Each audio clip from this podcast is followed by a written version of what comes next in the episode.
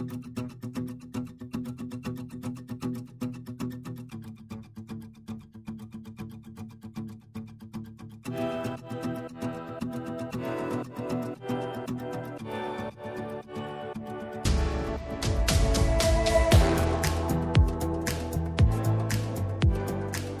dobry, dzień dobry. Nazywam się Jarosław Kuisz, jestem redaktorem naczelnym Kultury Liberalnej i witam Państwa w naszej cotygodniowej rozmowie z cyklu Prawo do niuansu. Niuansu, którego w czasach polaryzacji i baniek medialnych potrzebujemy jak powietrza.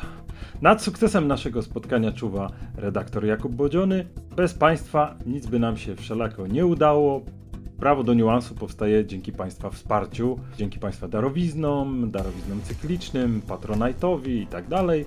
Wsparciu, za które ogromnie, ogromnie Państwu dziękuję.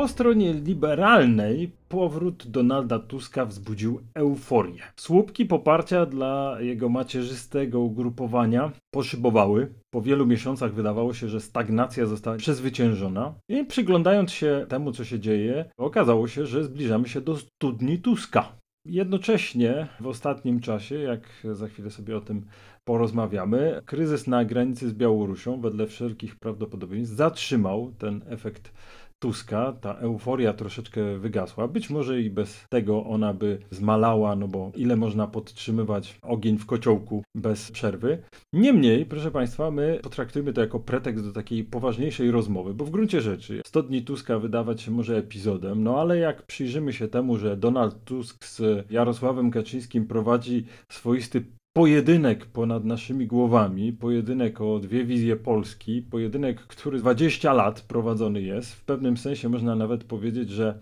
być może w przyszłości te 30 lat trzeciej RP nie będzie w ogóle postrzegane przez pryzmat epigońskich sporów o postkomunizm, tylko będzie postrzegane właśnie z perspektywy wykuwania się tych dwóch wizji, które ucieleśnia dwóch polityków Donald Tusk i Jarosław Kaczyński. No, czy tak będzie, to oczywiście przyszłość pokaże. Niemniej w tej chwili są poważne przesłanki do tego, żeby stwierdzić, że czy się komuś ten spór podoba, czy się nie podoba. Jest on niewątpliwie czymś, czego z perspektywy ostatnich 15-20 lat pominąć po prostu w polskiej, już nie tylko polityce, ale nawet szerzej w polskim życiu publicznym nie można. W dzisiejszej rozmowie udział weźmie redaktor Rafał Kalukin z tygodnika Polityka. Zapraszamy. Dzień dobry. Dzień dobry, witaj Rafale dziękuję, że przyjąłeś nasze zaproszenie. Ty opublikowałeś na temat powrotu Donalda Tuska tekst w ostatniej polityce pod tytułem Forma dla Platformy i zacząłbym od tego, że to jest tekst jak najdalszy od euforii. To nie jest tak, że ten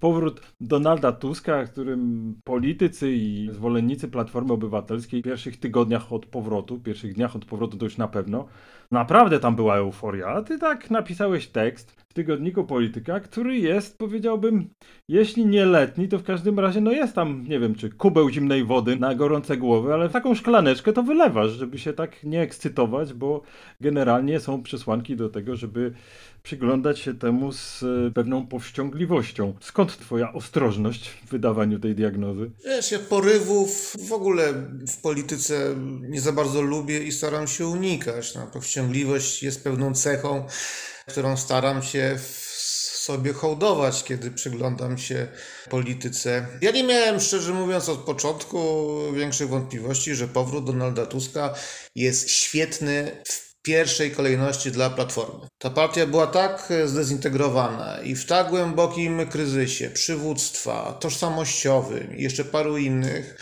że coś trzeba było zrobić. I Donald Tusk był niewątpliwie najrozsądniejszą ofertą przywódczą dla tej formacji. On poskładał platformę. Na pewno jego wejście to widzieliśmy po sondażach. Platforma wróciła. Natomiast oczywiście wszyscy wiedzieliśmy w lipcu, wiedzieliśmy to we wrześniu, teraz zaczyna się kolejny miesiąc i tym bardziej to wiemy. Donald Tusk nie jest y, politykiem, który budzi ogromny aplauz we wszystkich opozycyjnych środowiskach, to jest raz.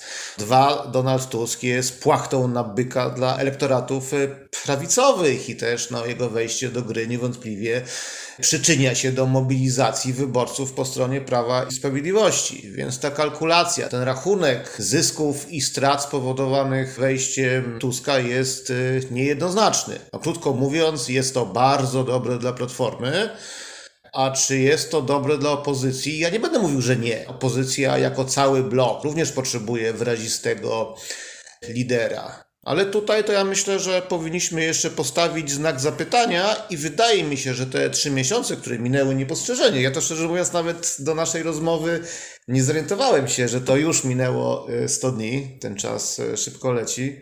Zaraz minie. Praktycznie dobijamy do studni, więc. To był lipiec, więc to są trzy miesiące. Po prostu musimy zaczekać. Nie będzie Blitzkriegu, to wiadomo. Ta nasza lipcowa euforia była spowodowana tym, że PiS się sypał. Gdzieś majaczył ten scenariusz wyborów na początku przyszłego roku, być może już. No dzisiaj wiemy, że tak nie będzie chyba, że musimy sobie jednak dać perspektywę dłuższą. Ja myślę, że wybory się odbędą w terminie konstytucyjnym, aczkolwiek tutaj oczywiście wiele po drodze się może wydarzyć. No i trzeba tą politykę raczej prowadzić wedle staromodnych zasad, czyli cierpliwie budować agendę, rozwijać potencjały. Przed Tuskiem, Platformą, całą opozycją długa droga. Rafale, zajmujesz się polskim życiem politycznym od początków trzeciej RP praktycznie, prawda? Od 20 lat powiedzmy. Czyli od samego początku. Natomiast tu chciałem, żebyśmy wypłynęli trochę na te szersze wody.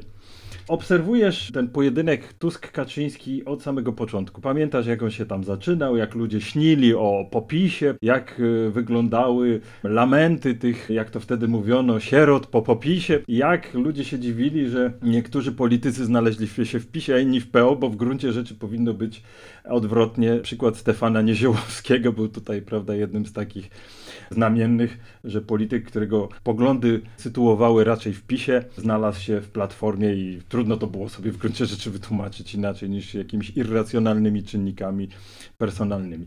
Jak ty widzisz, jak ty byś miał podsumować teraz to, że mamy rok 2021, dziesiątki razy opowiadano o jakichś odnowach, o tym, że się wygląda tych postaci, które mogą odświeżyć polską politykę. Siedem lat mija w Platformy bez Tuska, okazało się, że wyłącznie powrót Tuska, na co zwracasz uwagę w swoim artykule, dał jej trochę wigoru. Jak ty patrzysz na ten spór Tusk-Kaczyński z perspektywy 20 lat? Co on mówi o nas? Niby się znudził, a proszę bardzo, trwa w najlepsze 2021 rok. De facto ich samodzielne projekty polityczne mają historię 20-letnią, natomiast ich konflikt to jest 16 lat. Bądźmy precyzyjni. To jest tak patrząc, to jest w zasadzie równo połówka naszego 30-lecia. To możemy powiedzieć, że te pierwsze 10-15 lat jeszcze minęło nam w paradygmacie tego, co Mirosława Grabowska w głośnej książce nazwała podziałem postkomunistycznym, a w roku 2005 w burzliwej kampanii wyborczej, którą faktycznie z bliska obserwowałem, zaczyna się nowy podział. I wiesz, ja myślę, że esencja tego fenomenu i jego źródło to się bierze z tego, że zadekretowany wtedy przez PiS podział na Polskę Solidarną i Polskę Liberalną tak naprawdę odpowiadał e, faktycznemu podziałowi. Czyli przyznałbyś rację Kaczyńskiemu po latach, tak? Bo wtedy, pamiętasz, oburzano się straszliwie, że on... To wtedy było taktyczne zagranie, tak? Ale jeżeli patrzymy na całą historię polityczną III Rzeczpospolitej, to był moment y, kluczowy, czyli kiedy PiS y, i Platforma wspólnie w zasadzie jeszcze rozpoczynają tamtą kampanię wyborczą. Y, ich głównym przeciwnikiem zarówno Tuska, jak i Kaczyńskiego wydaje się wtedy Włodzimierz Cimoszewicz. Tam ta kampania zaczyna się jeszcze w paradygmacie podziału postkomunistycznego. Następnie Cimoszewicz zostaje wyeliminowany. Starsi z naszych widzów pewnie pamiętają no, w sposób bardzo nieelegancki, y, ciosami poniżej pasa, zadanymi pośrednio przez Platformę Obywatelską. Wylatuje Cimoszewicz, na placu boju pozostają Lech Kaczyński i Tusk i w tym momencie dwaj młodzi wtedy PR-owcy Kaczyńskiego, czyli Adam Bielan i Michał Kamiński, wymyślają, wpadają na pomysł, żeby nagle dokonać kampanijnej, gruntownej reorientacji i podsuwają właśnie propozycję nowego podziału na Polskę Solidarną i Polskę Liberalną, czyli Lech Kaczyński versus Donald Tusk. Oczywiście wszyscy wiedzieli, że to był podział zaordynowany na bieżąco pod kątem e, kampanii wyborczej. Były spory, pamiętam, wewnętrzne. No ja pracowałem w gazecie wyborczej, wtedy bardzo emocjonowaliśmy się tamtą e, kampanią. Trochę staliśmy z boku, no bo gazeta wyborcza wtedy nie miała czynnej polityce swojego środowiska politycznego, który by jednoznacznie obstawiała, bo to już były czasy po rozpadzie Unii Wolności, a Donald Tusk, on nie był taki wtedy jeszcze do końca swój, bo on grał wtedy, przynajmniej do tej pory, z pisem w tej jednej drużynie pod umownym hasłem Czwarta Rzeczpospolita. Pamiętam, że my się wtedy y, spieraliśmy, czy to hasło coś mówi o Polsce, czy nie mówi. Dominowały głosy sceptyczne. Z tego co pamiętam, ale może pamięć mnie po latach y, zawodzi, jedyną osobą w tym środowisku, która natychmiast powiedziała, że ten podział jest faktycznie adekwatny do tego, co się dzieje z polskim y, społeczeństwem i przewiduje no, jakby dalszą sekwencję zdarzeń, to był chyba Aleksander Smolar. Tak mi się przynajmniej wydaje. No więc y, okazało się, że no, on trafił w dziesiątkę, tak? My się możemy czuć po latach zmęczeni tym podziałem, gdyż y, taki podział meta polityczny skleił się nie tylko z konkretnymi formacjami politycznymi jako antagonistami, ale również z ich bardzo wyrazistymi, jak dzisiaj widzimy, niezastąpionymi liderami. Ja myślę, że to w pierwszej kolejności wynika z tego, że on jest y, po prostu prawdziwy. Znaczy, że on coś mówi o o naszym społeczeństwie, o naszych y, potrzebach, aspiracjach i tak dalej. Tak? Do tego mamy oczywiście szereg jeszcze tak szybko pomniejszych elementów. To też były czasy polityki wodzowskiej. Partie, które wcześniej były bardziej demokratyczne, pod wpływem wzorców, które właśnie budują po 2001 roku Kaczyński y, z Tuskiem się robią wodzowskie. Niektórzy mówili, że, że to są partie prywatne wręcz więc potencjalni konkurenci są stopniowo wycinani. Nie ma naturalnego mechanizmu sukcesji.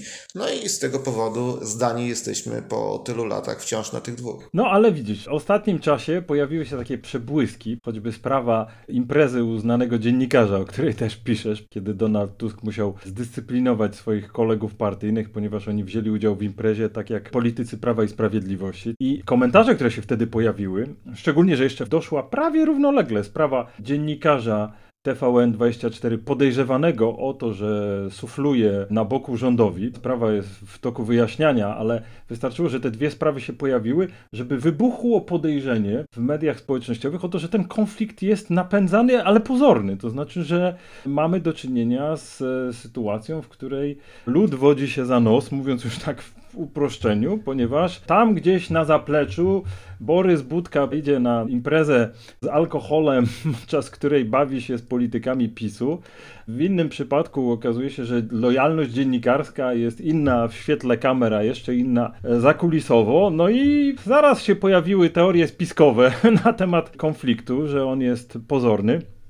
Tyle tylko, że tym razem można było podać e, konkretne przykłady na rzecz tego, że ten konflikt być może się komuś opłaca do podtrzymywania, być może ludzie są wodzeni za nos i tak dalej. Może anegdoty powiem sprzed lat, bo tak już podkreślasz mój długi e, przebieg. To zaleta, słuchaj, jest. Ja wiem, to był chyba 2004 rok bodajże. Wtedy w Fundacji Adenauera istniało coś w rodzaju takiego salonu publicystów. No ja tam byłem wtedy takim szaraczkiem młodym dosyć, e, trochę robiącym za tło i pamiętam, że po jakiejś kolacji wieczornej jeszcze wyszliśmy na miasto z Michałem Karnowskim oraz Piotrem Zarębą i oni mówią, a to chodź, tu jest niedaleko, kolega ma urodziny, to tam jeszcze zajdziemy, zobaczymy, co się dzieje. Czyli ty brałeś udział w takich imprezach, krótko mówiąc. Tak, tak, tak. No, Fundacja Adenauera, Michał Karnowski, to ci jakoś nie brzmi tak dziwacznie? Nie wiem, słucham uważnie, co będzie dalej, wiesz? No i wchodzimy, idziemy do tej restauracji, tam są urodziny, okazuje się, że solennizantem jest y, nieznany mi wtedy osobiście ksiądz y, Sowa, którego de facto poznałem za pośrednictwem Piotra Zaręby i Michała Karnowskiego.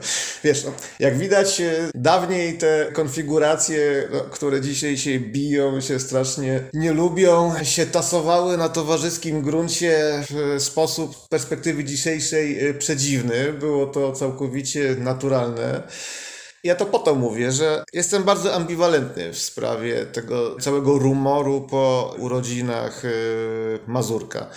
Gdyż y, z jednej strony mnie to się wydaje, że jest to sytuacja y, całkowicie nienormalna, kiedy grono ludzi znających się od lat, owszem tkwiących y, w rozmaitych sporach i politycznych i środowiskowych, kiedy jednak mają możliwość spotkania się gdzieś w jednym miejscu, choćby incydentalnego, no to wydaje mi się, że taka forma przeniknięcia się raz na jakiś czas akurat dobrze robi dla zbiorowej psychiki wszystkich mniej lub bardziej zaangażowanych uczestników y, życia publicznego. Natomiast z drugiej strony powiem Ci, że ja to oburzenie to rozumiem. Tutaj oczywiście ton nadała taka internetowa, internetowy głos y, opinii publicznej twardego elektoratu Platformy Obywatelskiej, tacy liderzy opinii, którzy z reguły ciągną twardą antypisowską narrację i oni faktycznie sprowokowali oburzenie, które było moim zdaniem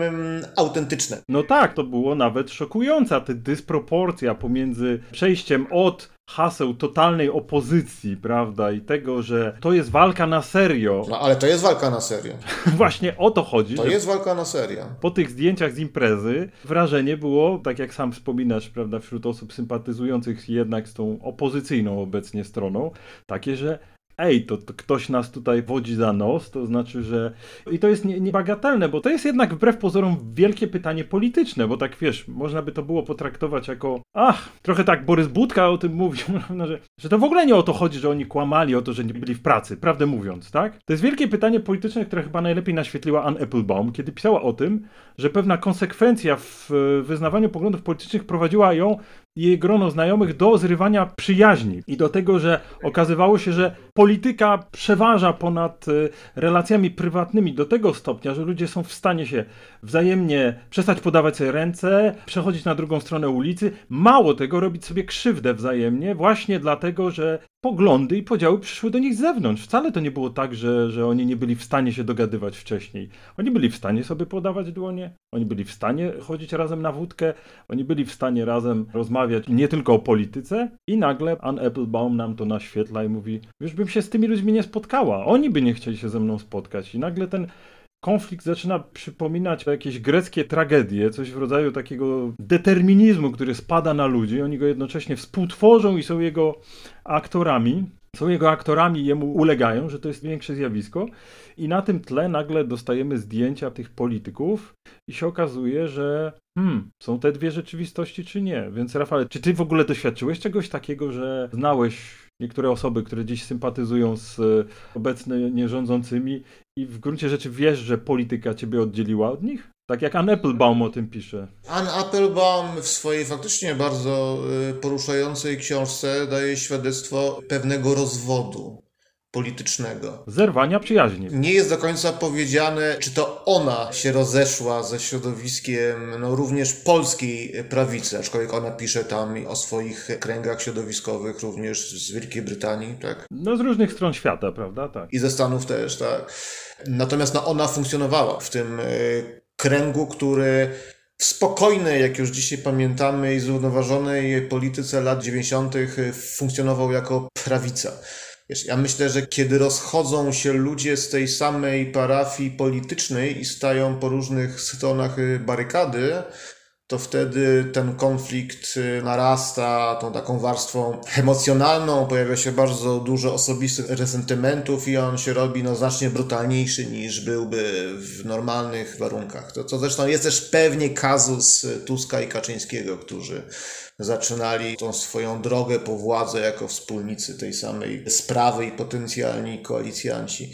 Wiesz, ja nie jestem osobą specjalnie bywałą, ani prowadzącą ożywione życie towarzyskie, no natomiast na ile się orientuję, to miejsc y, spotkań, środowisk będących dzisiaj y, w politycznym sporze, przynajmniej w Warszawie, jest bardzo mało i to są okazje bardzo rzadkie. To, że ci konkretni y, panowie zostali przyłapani na imprezie Mazurka, to znaczy ja twierdzę, że jest to bardziej incydent niż jakaś taka zakamuflowana norma, która buduje wrażenie, że polityka jest jakimś wielkim teatrem, a za kulisami wszyscy razem wódkę piją. Tak nie jest. No ale dziennikarz TVN-u potwierdził autentyczność jednego maila przynajmniej. Wiesz, ale to jest jeszcze inny kazus. No. Jak ja dobrze rozumiem, no to on, dziennikarz y, TVN-u, czyli redaktor Skurzyński, zna tego Dworczyka od wielu lat. Tam jest pierwsze świadectwo ich znajomości z roku 2010, kiedy Dworczyk był postacią dosyć anonimową. Ale chodzi o doradzanie, prawda? Wiesz co, no z perspektywy dziennikarza, te kontakty, o których mówimy, one się pozrywały nie tylko na gruncie towarzyskim, ale też i pozrywały się kontakty dziennikarskie. No właśnie, właśnie. Większość dziennikarzy funkcjonujących po tej, umownie mówiąc, naszej e, stronie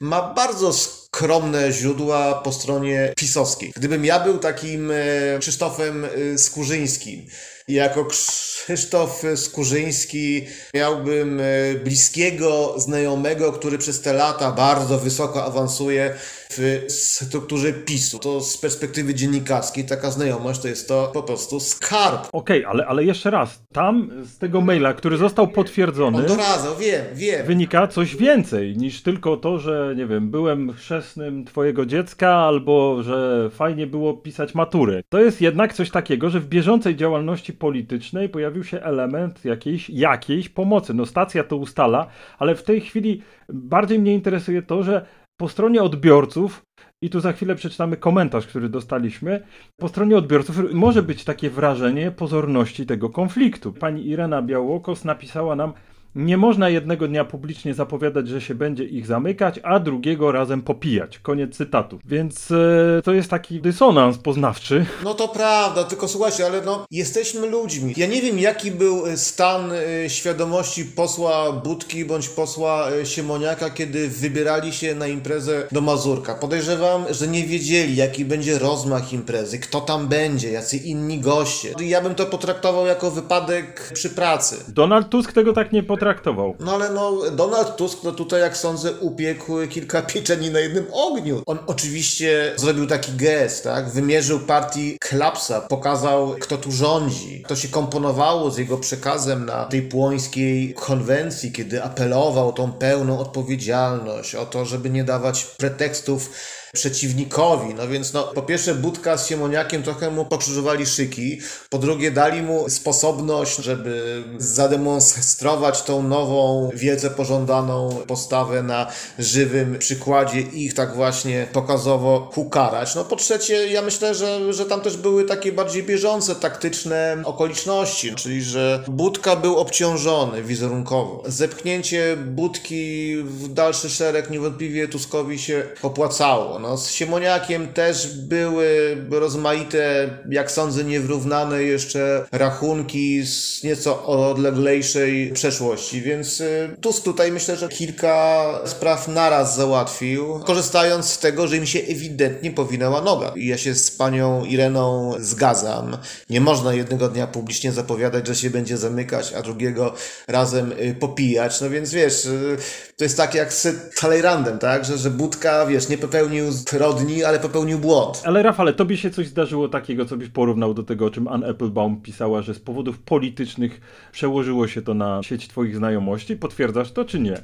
Bo to jest takie pytanie. Za chwilę zadam następne, ale to jest po prostu coś takiego, że ludzie patrzą, wyborcy patrzą. Ja nie miałem nigdy bardzo bliskich e, znajomości po tamtej stronie. No, ale spotykałeś się z Karnowskimi, jak mówisz, tak, braćmi? Tak, no ale wiesz, ale to dlatego, że było pewne wspólne forum, typu Fundacja Adenauera. No dobrze, no i jest forum, wiesz, że oni się pojawią, przychodzisz? Ale dzisiaj nie ma forum, dzisiaj nie ma miejsca, gdzie się możemy spotkać. Ale gdyby było. To bym poszedł, tak. Przyszedłbyś, tak? Znaczy wiesz, no, ja nie wiem, czy to jest miejsce na robienie takiej towarzyskiej wiwisekcji, wiesz, no, no z paroma osobami jakieś tam kontakty utrzymuję. Najbardziej pewnie z Piotrem Semką, który jest moim krajanem z Gdańska i z którym znamy się od ponad 20 y, lat, no jak teraz miał dramatyczne chwile w swoim życiu, to też mu z całego serca życzyłem, żeby z, tego wyszedł. Jak wyszedł, to w tym jego ponownie, że tak powiem, odzyskanym życiu odnowiliśmy relację, która nie jest jakaś specjalnie bliska, ale się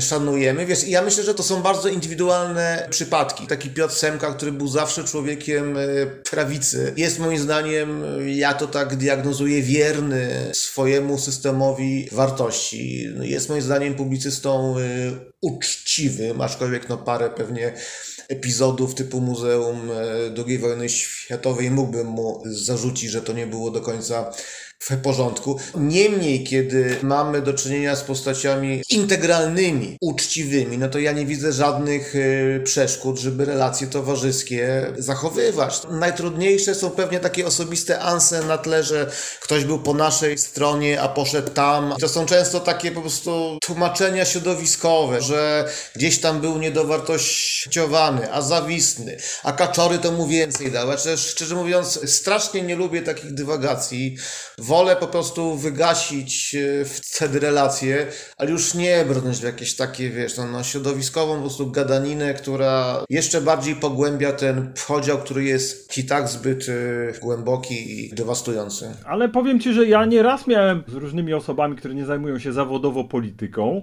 rozmowy, z których wynikało, że te osoby oczekują, uwaga, oczekują, nie to co my uważamy, tylko że suweren, tak, wyborcy oczekują, że te podziały, ostre podziały polityczne to będą tak ostre, że ludzie po wyjściu ze studia nie powinni sobie nawet podawać rąk, żeby nie było, że to jest konflikt pozorny. Że jeżeli oni mają oglądać, opowiadać się za pisem, za platformą, za kimś innym, to to ma być realne. Jak ma być realne, to musi być aż do poziomu takiego, w którym ty nie podasz ręki temu przeciwnikowi, nie udasz się na wspólną imprezę z jakąś tam wódką, i na pewno nie będziesz do niego wysyłał maili z pomocą w jakichś tam e, sprawach PR-owych. Ale gdzie my dojdziemy wtedy? Takie są oczekiwania ludzi, przynajmniej części, tak, wyborców. No ale gdzie my wtedy dojdziemy? Wiesz, na końcu tej drogi będzie to, że będziemy e, się okładać po gębach, a potem się pozabijamy. To jest prawda, Rafale, i ja powiem Ci tak, że ja o to wszystko pytam nie bez powodu, ponieważ ja sam uważam, że myślenie republikańskie domaga się tego, żeby na przykład teraz powiedzieć, że pozdrawiamy Piotra Semkę niezależnie od e, naszych różnic pomiędzy jego poglądami, a naszymi i życzymy mu dalszego powrotu do zdrowia, ponieważ jest taka granica, która jest granicą zdrowia i życia. Uważam, że jeżeli wybitna postać III Rzeczpospolitej umiera i nawet jeśli była z prawej strony, ale próbował coś zrobić dobrego dla nas wszystkich i dla ojczyzny, to powinniśmy udawać się razem na pogrzeby. I jeżeli umiera ktoś ważny ze strony lewicowej, kto próbował coś dobrego zrobić dla społeczeństwa, ojczyzny, czy jak tego by nie definiował, to my też tam się znajdziemy na pogrzebie takiej osoby, ale granica życia i zdrowia wydaje mi się taką granicą nieprzekraczalną. To jest granica dla jednych, prawda, związana z religią, dla innych związana z pewną tajemnicą, więc to jest taki egzystencjalny wymiar polityki, którym powinniśmy docierać do tej granicy i mówić sobie, o, tutaj stajemy wobec tajemnicy i wobec tego powinniśmy trochę pokory sobie wrzucić w życiu politycznym.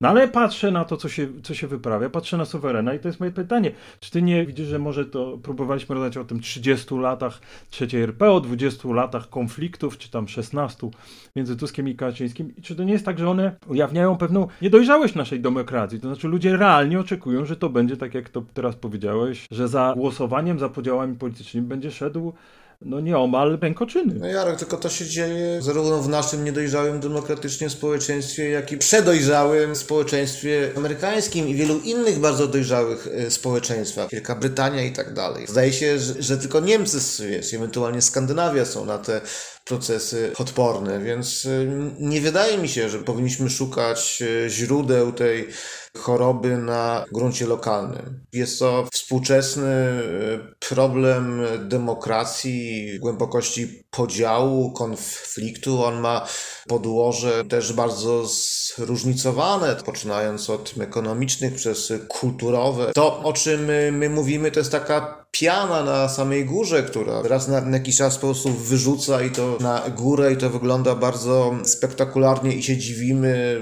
bądź się oburzamy, że tutaj tutaj jeden pan z drugim panem napił e, się wódki, no ale to ma bardzo głębokie e, zakorzenienie i śmiem twierdzić, że wciąż się poruszamy w tym samym paradygmacie właśnie podziału na Polskę liberalną i solidarną, od czego zaczęliśmy naszą, naszą rozmowę, że po prostu dzieli nas bardzo głęboki konflikt e, socjokulturowy. Ale jeśli tak, to by oznaczało, że ten podział jednak Jarosław Kaczyński do pewnego stopnia go jakoś tam diagnozował, ale też współtworzył go, wyostrzał. On go odkrył. Znaczy ja myślę, że to były wcześniej takie podziemne nurty. Płynęły takie podziemne rzeki, które przez lata 90. można było wyczuć, aczkolwiek traktowało je się jako coś takiego no, marginalnego. Tak? To to było pod y, powierzchnią oficjalnej polityki. Pamiętam moją fascynację właśnie, taką no, swoistą fascynację tym, że właśnie w 2005-2006 roku Kaczyński wyciągał na powierzchnię właśnie takie nurty,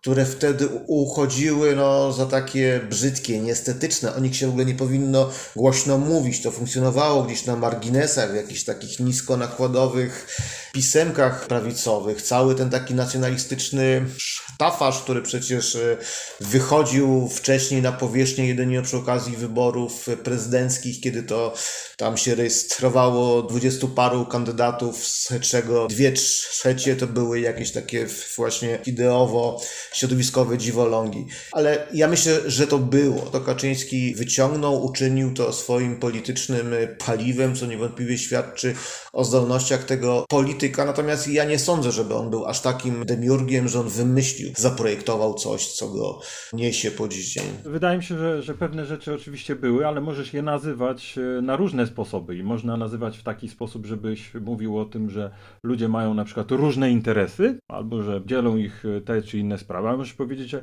jesteście w śmiertelnym konflikcie politycznym i wtedy to jest zupełnie inna, inna temperatura. Pan Andrzej Czerwoniec, taki komentarz napisał pan, mnie osobiście razi stosowanie różnych miar dla formacji politycznych. Po imprezie u Mazurka Politycy PO są karani, po tych spis spływa bez śladu, a w innej, dużo istotniejszej sprawie, jak Lewica głosowała za ratyfikacją Funduszu Europejskiego Odbudowy, to została zaliczona do zdrajców. Co ty na to? Ja akurat broniłem Lewicy chyba jako jeden z niewielu autorów po tej liberalnej e, stronie, więc mam czyste e, sumienie. Po pierwsze jest tak, rozmaite badania od dłuższego czasu pokazują, że elektorat twardy strony opozycyjnej, ten taki liberalny hardcore jest dużo mniej tolerancyjny niż ten elektorat twardo pisowski, co chociażby widać po tym, że kiedy się pyta w badaniach ludzi, jakie kanały informacyjne obserwują, to elektorat Platformy Obywatelskiej praktycznie nie włącza telewizji publicznej, natomiast e, elektorat pisowski ma te źródła no, bardziej zdywersyfikowane i wbrew pozorom oni TVN-em aż tak nie gardzą, tak jak ta nasza strona TVP. To swoją drogą jest niesamowite, bo świadczy o tendencji do pluralizmu. To jest przeciwintuicyjne. Tak, albo też TVP tak już głęboko wcisnęło pedał gazu, że nawet nominalni hadry adresaci tego y, przekazu widzą, że, że to jest po prostu jedna wielka hiperbola i że to należy no, po pierwsze brać jednak ostrożnie i warto sprawdzić y, źródło jeszcze gdzieś indziej, w jakimś innym kanale komunikacyjnym. A po drugie, no to taktycznie, no ja myślę, że też tutaj PiSowi y, nie opłacało się z tej sprawy robić jakiejś wielkiej chryi, no bo jeżeli elektorat prawicowy można było do domniemywać, specjalnie się tą sprawą nie zdenerwuje, no to też y, nie należy no, no mu jakby w, na wszelki wypadek, tak, dostarczać takiej diagnozy, że ci pisowscy politycy zrobili źle, tylko po prostu przejść nad tym do porządku dziennego. Kaczyński pewnie nie miał też i takich personalnych potrzeb, jakie miał Tusk, żeby zrobić y, porządek z przysłowiowym Borysem Budką. Mam wrażenie, że z naszej rozmowy, która musi powoli zmierzać do końca, wynika, że przyznajesz, że Jarosław Kaczyński tam lata temu postawił trafną diagnozę i w pewnym sensie wracając do powrotu Tuska, no on będzie musiał grać e, troszeczkę na tych obszarach, które zostały wyznaczone przez jego przeciwnika. W tym sensie to będzie znacznie trudniejsze, znacznie trudniejsze niż w roku 2007, o czym piszesz w swoim artykule w najnowszym tygodniku Polityka. No i wreszcie druga rzecz, że jednak ta polityka, nawet jeśli ona się zmienia na całym świecie, no to oczywiście mówimy o naszym podwórku i to, że Amerykanie sobie tam rzucają się sobie do gardeł, prawdę mówiąc, to jest amerykańska sprawa, choć o znaczeniu globalnym, ale jednak, żeby nas to nie uspokajało w każdym razie, że nie uchyla pewnego dramatyzmu naszych decyzji, kiedy ten dramatyzm jest, ponieważ bardzo często agendy polityczne są budowane przez osoby, których osobiście nie znamy. No ile osób zna osobiście Jarosława Kaczyńskiego i uległo jego czarowi? Nie, to są rzeczy, które dostajemy z drugiej, trzeciej, piątej czy dziesiątej ręki i one potem w jakiś sposób, oddziałując na nas za pośrednictwem mass mediów, wpływają na to, że z zupełnie realnymi osobami z krwi i kości psują nam się relacje, słynne konflikty, omawiane konflikty rodzinne politycznie, Ann Applebaum pisze o zerwanych przyjaźniach. Tam w tym gronie, które ona wymieniła Jarosława Kaczyńskiego na jej imprezie słynnej w Chobielinie nie było, ale były inne znane osoby. Odsyłamy do książki Ann Applebaum o zmierzchu demokracji i zerwanych przyjaźniach.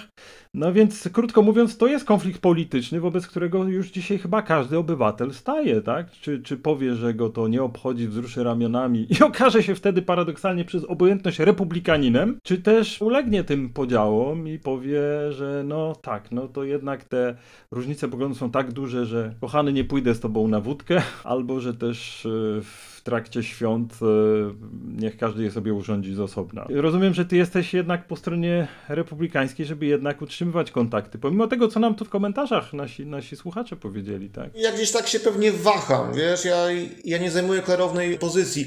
Po pierwsze, Polska nie dzieli się na dwie części, tylko na trzy tak naprawdę. Mamy te dwie y, strony politycznego podziału, ale jak patrzymy no, na rozmaite badania, no to jest y, trzecia część, no tak liczebnie y, z pozostałymi, która się w ten konflikt za bardzo nie chce angażować. Tam znajdziemy zarówno takich no, zaangażowanych, że tak powiem, symetrystów, jak i ludzi, którzy po prostu no, nie są życiem publicznym zainteresowani, albo no, traktują to bardzo chłodno i wyłącznie w kategoriach bieżącego interesu, więc... Y, to jest naprawdę paradoks. To brzmi jak osoby, które potencjalnie mają szansę do tego, żeby spojrzeć na sprawy z większym dystansem, zatem prawda, z perspektywy państwa, e, Rzeczpospolitej i tak dalej. No to jest wniosek nie, niebywały. No tylko wiesz, musimy wiedzieć, że ten konflikt nie wyczerpuje wszystkiego. Znaczy coś w tym kraju poza tym konfliktem się jednak dzieje. No, mamy jeszcze jakieś inne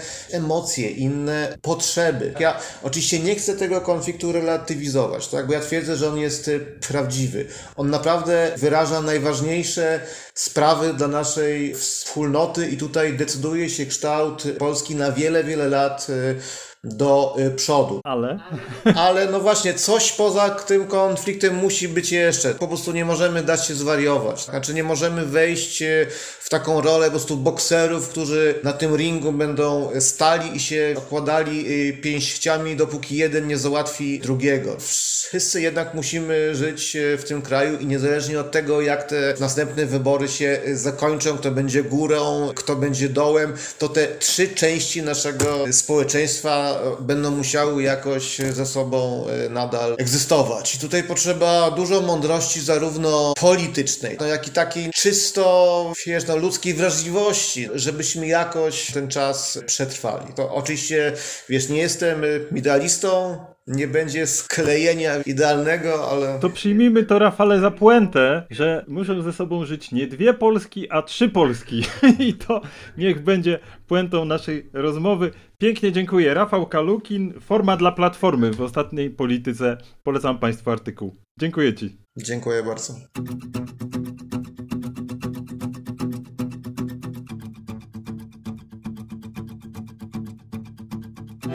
Proszę Państwa, a my jak zawsze żegnając się przypominamy, że każdy odcinek podcastu mogą Państwo nie tylko obejrzeć, tak jak teraz, ale także sobie później odsłuchać e, na ulubionych serwisach streamingowych. Mogą Państwo także obejrzeć nas i na Facebooku i na YouTubie. A już jutro redaktor Jakub Bodziony będzie rozmawiać o zmianach na niemieckiej scenie politycznej z panią Lidią Gibadło z Pismu. No to ciekawe, ciekawe, bo tam jak Państwo wiedzą się dużo dzieje. Niby taka chłodna scena niemiecka, ale znaczenie tego przetasowania dla Polski jest niewątpliwe. Zapraszam do lektury www.kulturaliberalna.pl. Tam znakomite eseje o polityce, książce, kulturze wizualnej. Nie tylko samą polityką ludzkość żyje i nie tylko samą polityką my Polacy powinniśmy się interesować. Proszę Państwa, to wszystko za to, że nas słuchacie, oglądacie i wspieracie. Dziękuję za to, jak zawsze, w imieniu Zespołu Kultury Liberalnej i zapraszam w następny czwartek. Dziękuję.